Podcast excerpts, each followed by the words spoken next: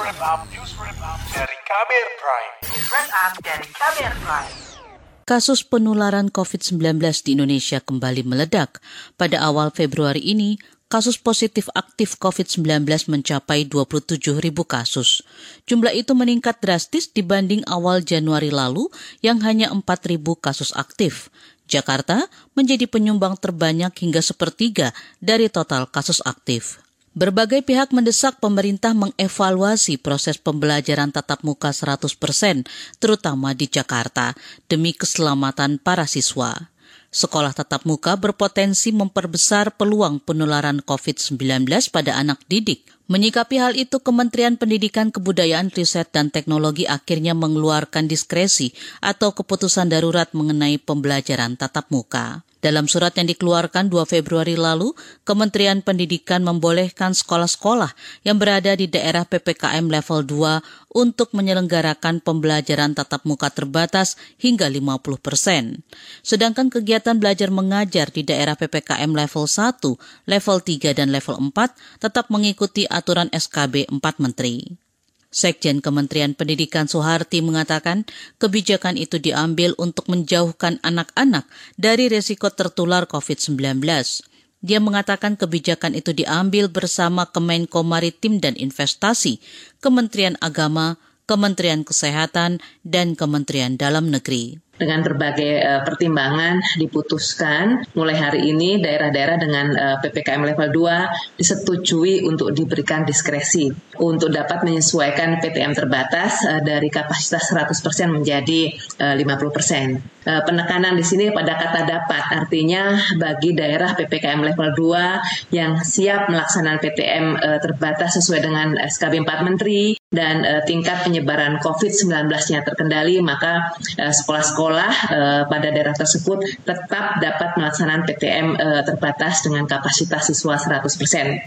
Suharti mengatakan pembelajaran tatap muka terbatas tetap harus diikuti dengan protokol kesehatan ketat, sedangkan orang tua tetap diberi pilihan untuk mengizinkan anak mengikuti PTM terbatas atau pembelajaran jarak jauh untuk semua level PPKM. Keputusan Kemendikbud ini seperti menjawab permintaan Gubernur DKI Jakarta Anies Baswedan.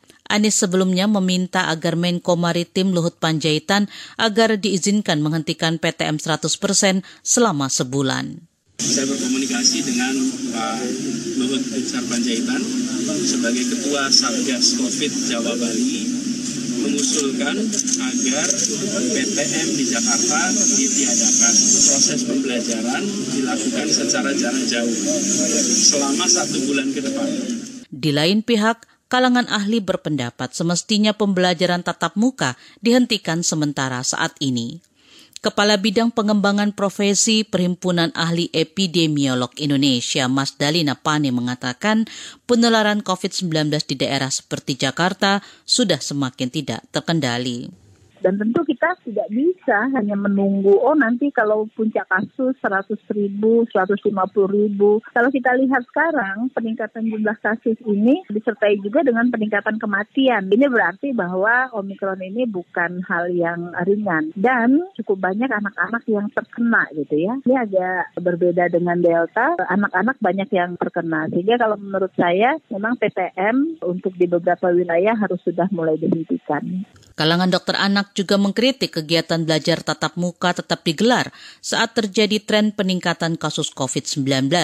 Ketua Satgas COVID-19 dari Ikatan Dokter Anak Indonesia, Yogi Prawira mengatakan, PTM yang dilangsungkan di tengah naiknya tren kasus COVID-19 cukup berisiko bagi keselamatan anak.